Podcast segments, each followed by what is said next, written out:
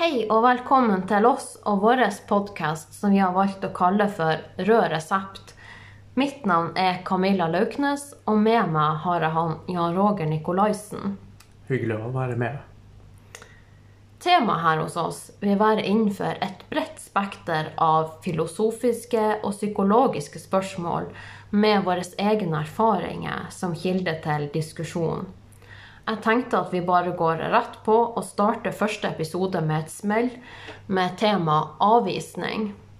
Og avvisning det er jo noe som vi alle har opplevd, eller kommer til å oppleve en eller annen gang i livet. Ja, det er helt sant. For som mennesker så har vi alle en iboende drivkraft i oss til å knytte emosjonelle bånd til andre. Vi ønsker å oppleve at vi tilhører, at vi er ønska. Det forsvir det, og det gjør vondt når vi opplever det motsatte. At vi står utenfor, og at vi ikke er ønska. Det er nettopp det med avvisning som kan være så vondt.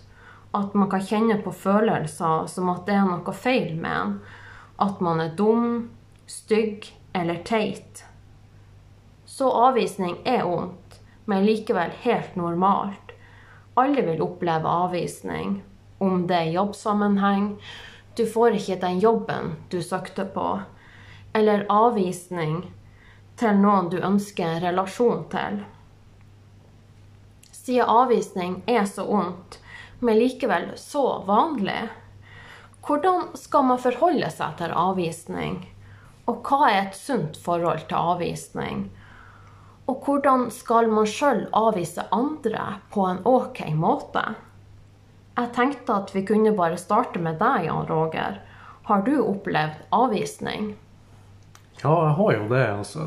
Jeg ja, Episode tilbake til 2006. Som det var nylig flytta til byen og begynte som student. og så var det jo, eh, skulle det være vorspiel på en oktoberfest i Mm. Det var oss i klassen som skulle holde det. Og ja, folk ble nå invitert, og sånn, men så viste det seg at ja, et par stykker til og vi ble jo ikke invitert til det der, da, for vi var vel kanskje ikke kule nok. Ikke vet jeg. Det høres jo veldig kjipt ut. Jeg tenker liksom Når man har en fest, og man er alle sammen i samme båt Dere var jo alle studenter og studerte det samme. Ja. Og så tre, velger man liksom å unnlate tre stykker. Det, liksom, det er det jeg ikke forstår meg på. Og det er det jeg tenker med avvisning som blir så, som blir så feil også. Da tenker jeg at ja, alle kan ikke like alle. Men når avvisning bunner i fordommer og, og usannheter og antakelser, det er da det blir feil. Ja, det er jo da man begynner å tenke litt om har man gjort noe galt, eller hva, hvorfor er man ikke inkludert i det? Ja, for du hadde jo ikke gjort noe galt. Nei da, vi var jo alle i samme bås, ny i byen, og ja, stilte med blanke ark, så ingen visste jo egentlig så mye om noen. Så syns jo det var jo litt skuffende akkurat der og da. Er det noe du har tenkt på i ettertid som voksen? Sånn, nå er det jo en god stund siden du var ferdig og studerte, du har jobba nå i flere år som farmasøyt. Hva tenker du i dag om den hendelsen? Eller? Det er jo ikke noe sånn å tenke på som voldsomt i ettertid, sånn til det vanlige. Men hvis man tenker på det, så er det sånn episode. Man ville jo ikke ha gjort det sjøl, det der. Nei. Forhåpentligvis. Mm. Jeg tenker også liksom, Det hører man jo i aviser man leser liksom, at det i barnebursdager eller ungdommer der hele klassen blir invitert, og så er det én eller to som ikke blir det. Da tenk, det, det, er feil. Ja, det er noe som ikke henger på greip, da. Det Jeg tenker, fra mitt perspektiv, så går ting fort over i mobbing når man ikke vil være så raus at man inkluderer alle. Og jeg har jo også kjent på litt av det samme. Jeg tenkte sjøl når jeg skulle begynne å studere, at jeg gleda meg sånn. Jeg tenkte å, nå kommer livet mitt til å bli så bra. Jeg kommer til å møte så mange folk som har de samme interessene som meg. som vil det samme som meg, og som jeg kan ha så mange gode samtaler med. Og så ble det liksom ikke sånn. Eh, jeg studerte jo tre, nei, fem år på universitetet. De tre første årene var helt grei. Jeg hadde noen folk å prate med, omgås og sånt. Men eh, så gikk jeg jo på et studie man måtte søke opptak til master. Og da ble det jo en helt ny klasse. Så de to siste årene, da var jeg egentlig mer alene. Og jeg kjenner fortsatt at det er litt sånn sårhet å prate om det. Fordi at jeg hadde jo ikke sagt noe eller gjort noe stygt. Jeg hadde ikke gjort dem noe. Men jeg ble fortsatt ikke en del av gjengen. Nei, og det er jo ekstra skuffende. Det, altså det, man kan jo forstå det hvis man har vært ordentlig utidig og ja, frekk med noen. da, Så kan man jo skjønne at det blir en slags reprimande. da, At man tar det ut eh, på den måten. da, Men når man ikke har gjort noe heller, så blir det jo ekstra sårende. Ja, det er akkurat det. Altså eh, Siste året, når jeg gikk på masteren, så skulle vi ha julebord. Eller klassen skulle ha julebord.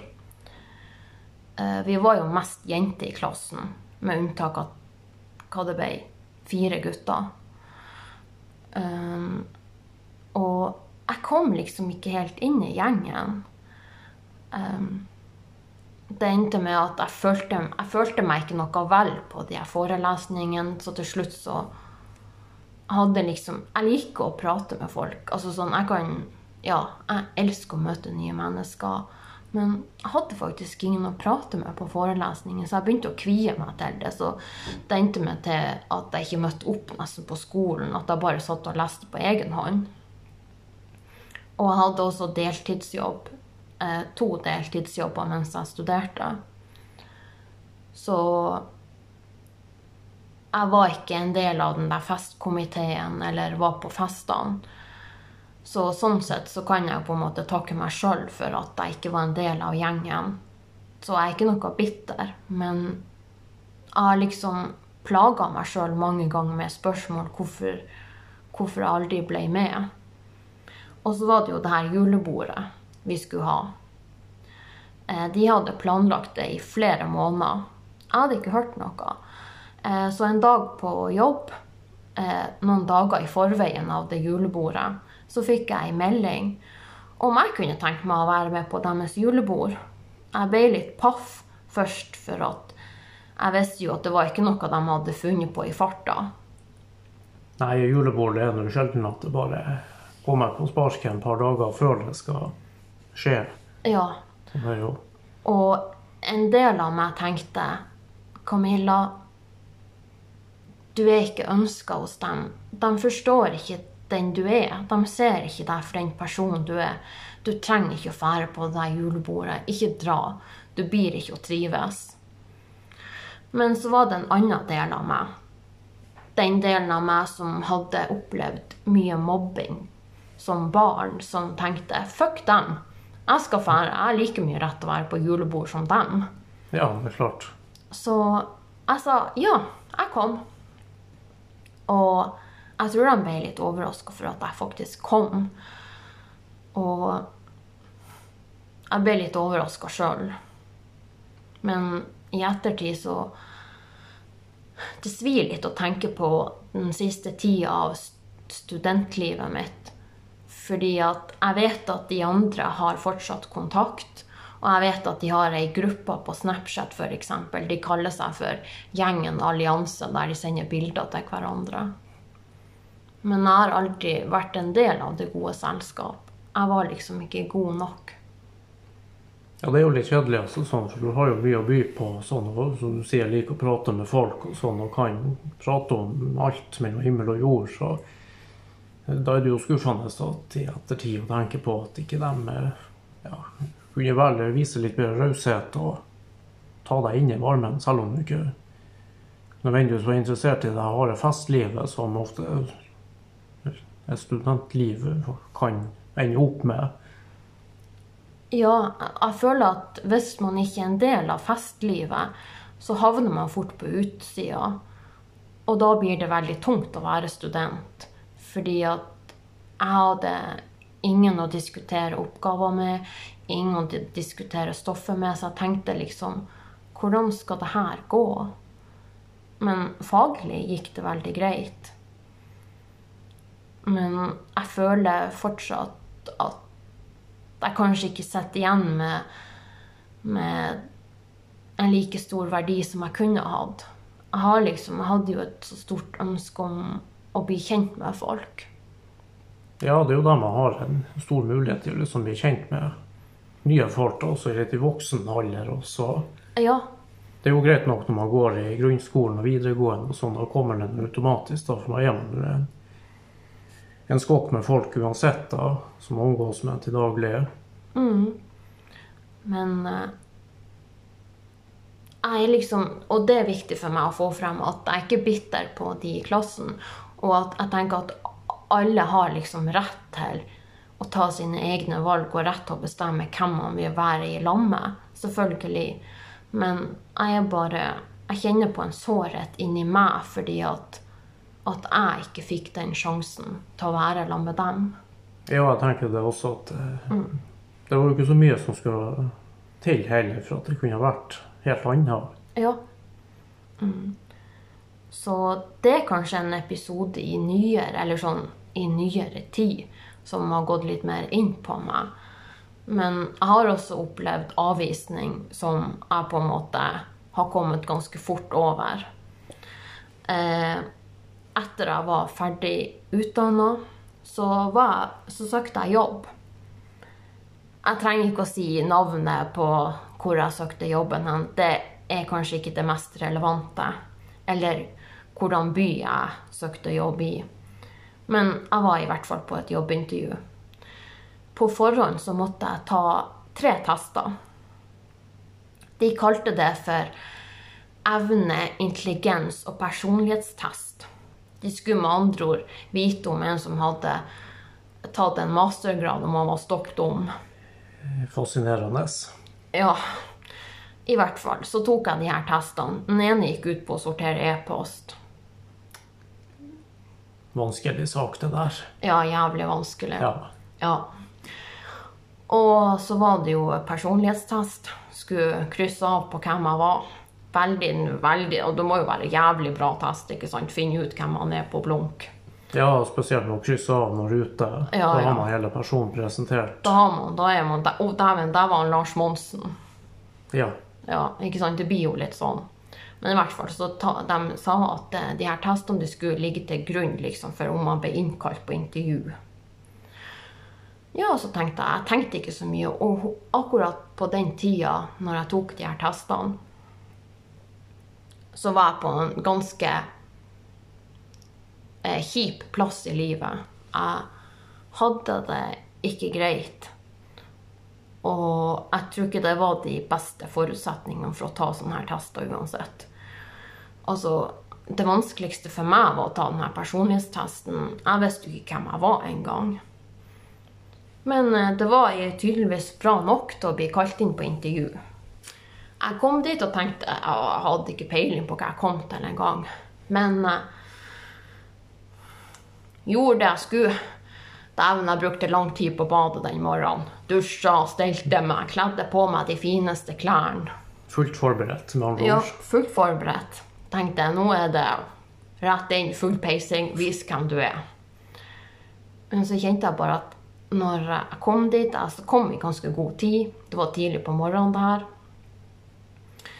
begynte jeg liksom, så var det ei dame som var der, hun jobba der ikke, men hun var bare der sånn, by the way. Ja, så begynte han å prate med henne, og hun gikk og hentet meg kaffe, og vi snakket nå bare om sånn vær og vind. Det var en god start. Ja, så tenkte jeg ok, det her er, det her er, det her er tegn. Det her er, det her er Nå skjer det. Og så kom de og henta meg, og så hun der som var eh, rekrutteringsansvarlig, da, hun kom og henta meg, og vi skulle ta heisen opp i femte etasje. Og så sa noe bare, for det her var på vinteren, så sa jeg ja, jeg har nå kledd på meg sånn tjukk jakke, for det var noe liksom, det var noe liksom vanskelig å vite hva man skulle ta på seg. Jeg tok nå på meg den her, og det var noe liksom, da har det begynt å sne og sånt, så jeg tenkte ok, nå er jeg i gang. Ja, begynner å skal skape ei lett og ledig stemning da. Å, Ja, men så fikk jeg bare sånn, Å ja, til svar. Og så tenkte jeg, å faen, det her kan jo bli spennende. Og det ble det. Det ble jævlig spennende, skal jeg si dere. Eh, Så kom jeg inn. Eh, stort møterom. To dresskledde jævler sitter på andre sida av bordet. ja, da begynner man jo å tenke litt at eh, her kan det skje motsatt av det man har sett for seg. Ja, og så ble jeg geleida inn og sa ja, vær så god, sett deg ned. Ja, jeg tenkte å jøss, skal jeg sette meg ned? Ja, For var stående i intervjuet? ja jeg, trodde da, jeg trodde det var stående buffé Ja. jeg kom til. Ja, i hvert fall så satte jeg meg ned, og så, og så er det jo det vanlige. Ja, kan du begynne å snakke, fortelle litt om deg sjøl? Så fortalte jeg noe litt om meg sjøl og sånt. Det var, det var ingen mimikk på dem. Ingenting. Det var, det var ingenting innlevelse i noe av det jeg fortalte om. Jeg liksom, jeg kunne fortalt mye, men jeg, jeg holdt meg til det saklige, det faglige, hva jeg hadde gått, hva jeg hadde skrevet masteren om, hvilken karakter jeg fikk på den. Jeg sa til meg Ja, så fikk jeg A på masteren. Og de satt der bare Å ja. Og så tenkte jeg Hva, hva skjer nå? Ja, det er da man begynner å lure på om man ja, har man faktisk møtt opp på feil plass. Eller Ja, ja jeg, jeg tenkte det. Har, har, har jeg gått inn feil dør? Og så, så, så tok de frem de, de testene, og så sier hun der rekruttering sånn Det var kanskje litt eh, vanskelig for deg, det her. Og så tenkte jeg vanskelig. Sortere e-post. Ja. Og så sa jeg mm, Nei, eh, nå greit nok. Ja, og så, og så henta de et sånn her et sånt sånn stort, hvitt ark, og så tegna de en sånn normalkurve. Og så tegna de opp innenfor den der normalkurven hvor jeg var.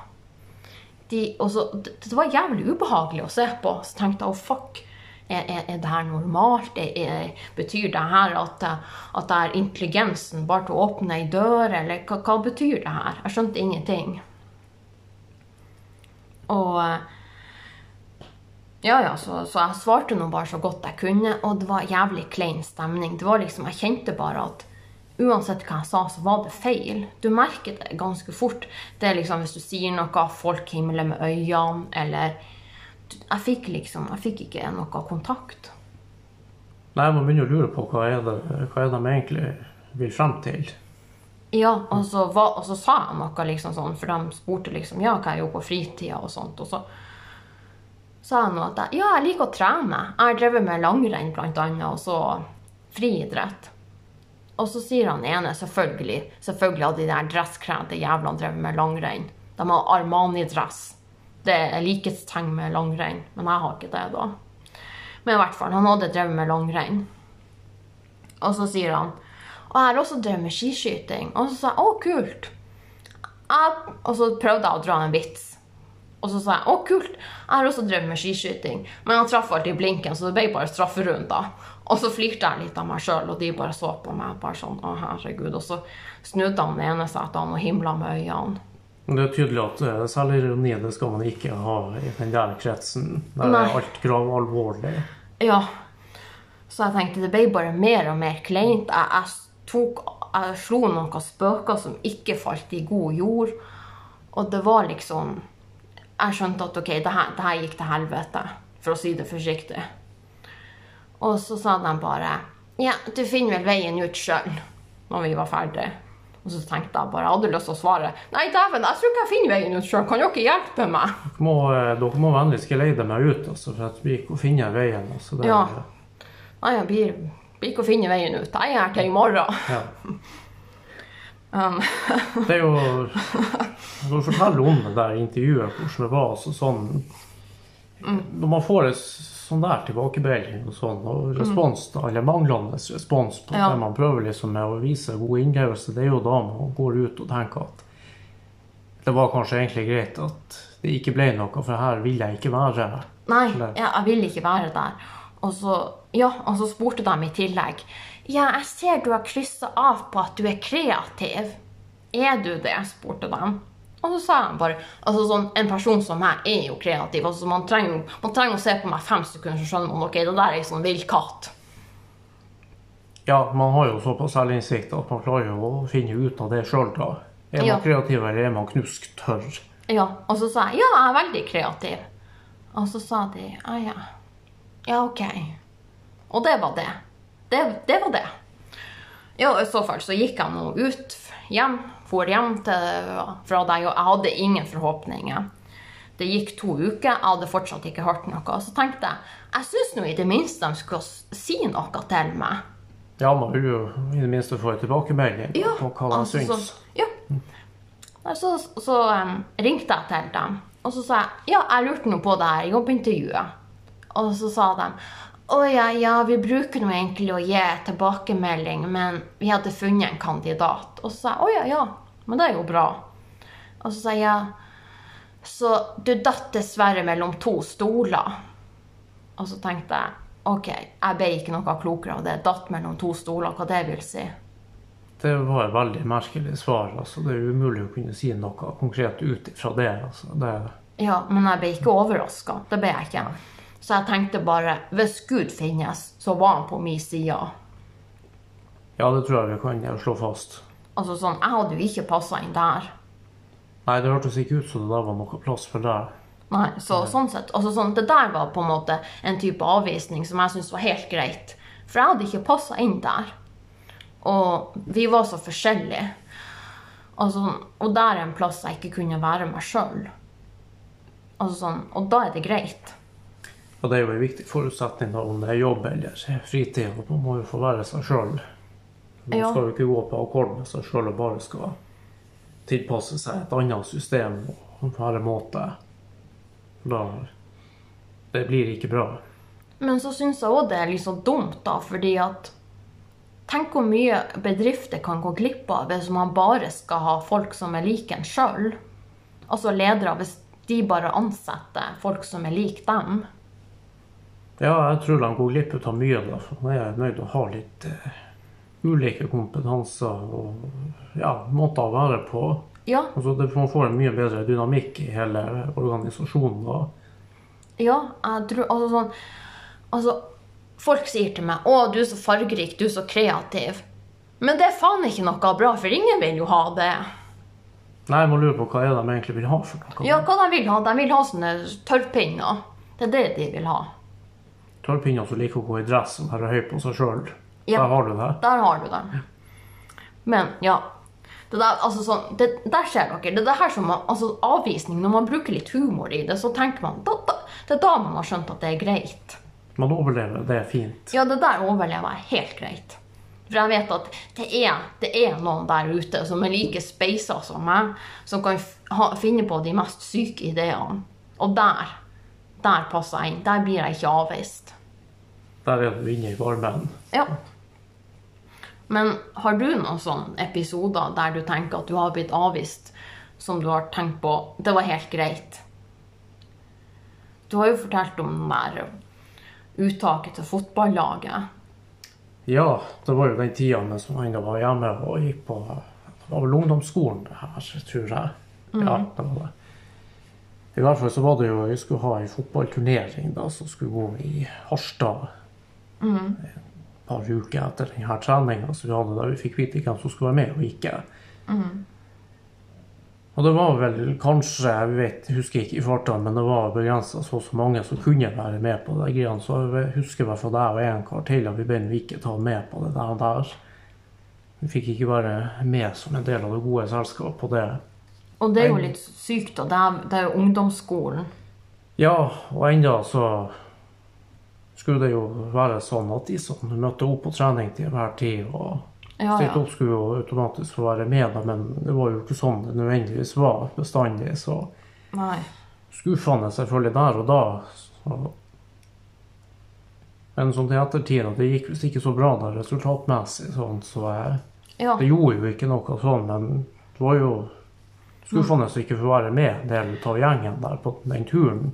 Ja, ikke sant? Også sånn, hallo, ikke sant, du spilte på Mjølner, Narvik. Ja, Narvik. Narvik, som det heter. Ja, ikke sant, du spilte på Narvik. Ja. Eh, det er jo ikke akkurat eh, Barcelona.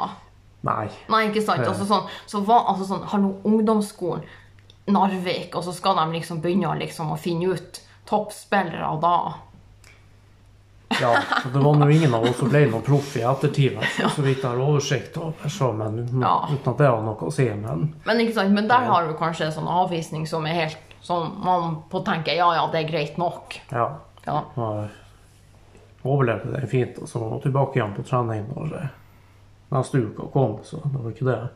Ja. Jeg har jo også tenkt litt sånn sjøl på avvisning som jeg har på en måte vært mot andre. Og da er det kanskje spesielt en episode i nyere tid, eller det var mens jeg studerte det her også. Eh, Jeg var, på, jeg var ute på byen med ei venninne. Mm, Så sier hun til meg, hun venninna var med, det var hun Lill Hege da. Så sier hun Lill Hege til meg Camilla, jeg går bare opp på toalettet. Jeg setter bare veska mi her. Kan du passe på den? Så jeg ja, ja, Seff, jeg passer på veska. Bare du går opp og gjør det du skal. og så eh, sitter han nå der, og så kommer det ei jente bort til meg. Og så sier hun Hei, kan jeg sette meg ned sammen med deg? Ja, sett deg bare ned. Ja, du skjønner, jeg har ingen venner, og, og, og jeg har sett på deg hele kvelden, og Å ja, ok. Ja, ja. Eh, studerer du? Ja. Å, hva studerer du? Eh, jeg går på et studie som heter Ledelse, innovasjon og marked. Wow! Wow! Oh, wow! Eh, det er ikke noe sånn. Enn du, da? Nei, jeg, jeg studerer bare sånn årsstudium i, i psykologi. Ja, men det er jo dritbra. Du kan jo komme inn på profesjonsstudiet. Nei, jeg vet ikke helt, jeg. Men kjenner du alle i klassen? Nei, det gjør jeg ikke. Men jeg skjønner ikke. Altså, jeg mener Alle vil jo være sånn som deg. Jeg mener Alle vil jo liksom se ut som deg. Alle vil jo være deg. Du må jo være dronningen der borte. Nei, jeg, vet ikke helt akkurat det. Og så kommer hun lille Hege da, til bordet. Hun tar veska si, og så sier hun Camilla, skal vi stikke, og så skal vi bare gå på noen andre plass? Og så sier jeg ja, det kan vi jo. Og akkurat da så tar hun der jenta tak i armen min, og så sier hun til meg Jeg har fulgt med hun hele kvelden. Hun er ikke venninnen din. Det er jeg som er venninnen din. Og så tenkte jeg å faen, hva har jeg kommet til nå? Og så tar hun tak i meg, og så sier hun Du får ikke gå fra meg. Og så tenkte jeg, eh, så sier jeg at jeg er med venninna mi, lille Hege. Jeg må gå. Og så river hun tak i skjorta mi og sier jeg kan ikke gå fra henne. Det var veldig sykt, det her. Ja, det var jo veldig spesiell hendelse, så det var jo eh, Og så, og så går jeg da. Jeg river meg liksom løs fra henne og går. Og så når jeg kommer hjem da, og dagene etterpå, så kjenner jeg bare på at det bygger seg opp en veldig dårlig, dårlig følelse i meg. Og så tenker jeg Burde jeg gjort noe annerledes? Men det var veldig vanskelig, det der. Ja, det er jo ikke bare liksom på sparket og så skal finne ut hvordan man skal håndtere en sånn situasjon. Og det er jo Må jo si det er litt utenom det vanlige, det der. Ja, jeg følte meg liksom så invadert. Jeg følte at liksom Jeg var ikke forberedt på det der. Nei, det skal godt gjøres også å være godt forberedt til noe sånt. Det jo Og jeg tror kanskje det er det som er nøkkelen til å på en måte avvise andre på en ok måte. At man kanskje må være forberedt på at det er noen der ute som kan tråkke over dine grenser. Men istedenfor å være å tråkke over deres grenser tilbake, så kan man si noe på en sånn tydelig måte at det går bare ikke, det her. Nei, man må jo finne litt sånn rette balansegangen på det der. Ja, så må man kjenne etter sjøl på hva som er rett. Men hadde jeg liksom hadde jeg, jeg kunne godt ha møtt hun her jenta for en kaffe. og prata med henne. Det hadde vært helt ok. Men der og da så var det for mye. Og jeg tenkte litt på henne etterpå. Jeg tenkte liksom, går det bra med henne? Er det sant det hun sa, at hun ikke hadde noen venner? Hvorfor er jeg like kjip som andre, da, som bare dro fra henne? Ja, det er jo liksom, man kan jo begynne å tenke sånn i ettertid, men det er jo det som er på Man vet jo ikke så mye om vedkommende bare på noen minutter, sånn som det der, så Nei. det er jo ikke godt å si altså det, hva det kunne være, det der. Mm. Nei, ja. Så det er en ting som, som jeg syns var veldig vanskelig. For at det, det, det ligger liksom sånn hardt inni meg, siden jeg har kjent på det her så mange ganger sjøl, og på en måte måtte stå utenfor. Så jeg, jeg er så bevisst på at jeg vil ikke være den personen for andre. Og det er det jeg tenker på med det her med avvisning, at vær den personen som du vil at andre skulle vært mot deg. Hvis, det, hvis du kjenner at ok, det her var ikke, vi har ikke kjemien, vi matcher ikke, vi er for ulike, si det istedenfor å gjøre det på en annen måte. Si det på en ok måte.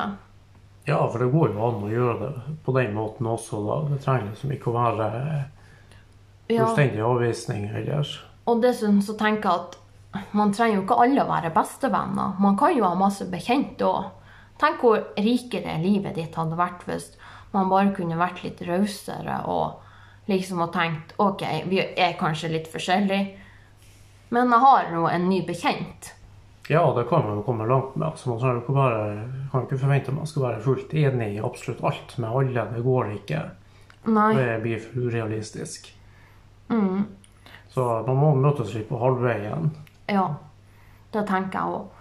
Og jeg tenker liksom det her med avvisning Det er liksom Når det er at det er basert på fordommer og uvitenhet Det er det jeg ikke liker med avvisning. Eksempel at man blir avvist for at folk tror at du er sånn og sånn. Eller du har jo til og med de som mener at damer ikke kan bli ledere. Det er jo for at de tror at damer har de og de egenskapene. Eller mangler. Ja, det blir jo helt feil også. å Ta en avgjørelse på det, på det grunnlaget. Og det er jo mange gode ledere. Ja, det er det jo. Altså, man har jo på en måte det her med avvisning som man snakker om sånn personlig, altså sånn vi, jeg og du har kjent på. Men så er det jo det her med at det kan jo være sånn et større bilde på det, hvis man ser det i sånn samfunnsperspektiv. Um, man vil jo Hvert år så hører man jo at politikere prater om at å, vi skal bli så varmere og inkluderende samfunn, og jeg tenkte yeah, right. Det er fort glemt når fakkeltoget er avslutta. Ja, det er sånn, det er sånn å, ja, alle går i fakkeltog mot mobbing og, og varmere samfunn og inkludering. Og så med en gang faklene brent ned, så var det glemt. Da er det tilbake igjen til, til Ja. fryseboksen. Men eh, det som jeg syns er bra, da, som f.eks.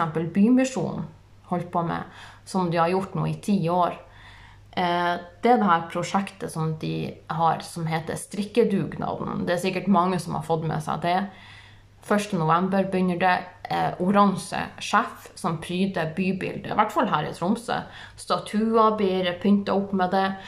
Og det er et symbol på at man skal glede noen som gruer seg til jul. Man skal være inkluderende, man skal ha et varmere samfunn. Og sånne der ting. Det er det jeg liker. Ja, det er da man føler liksom at det, viser seg at folk bryr seg. Ja, At det skjer noe. mm, og det er det jeg tenker at Hvorfor Hvorfor kan man liksom ikke bare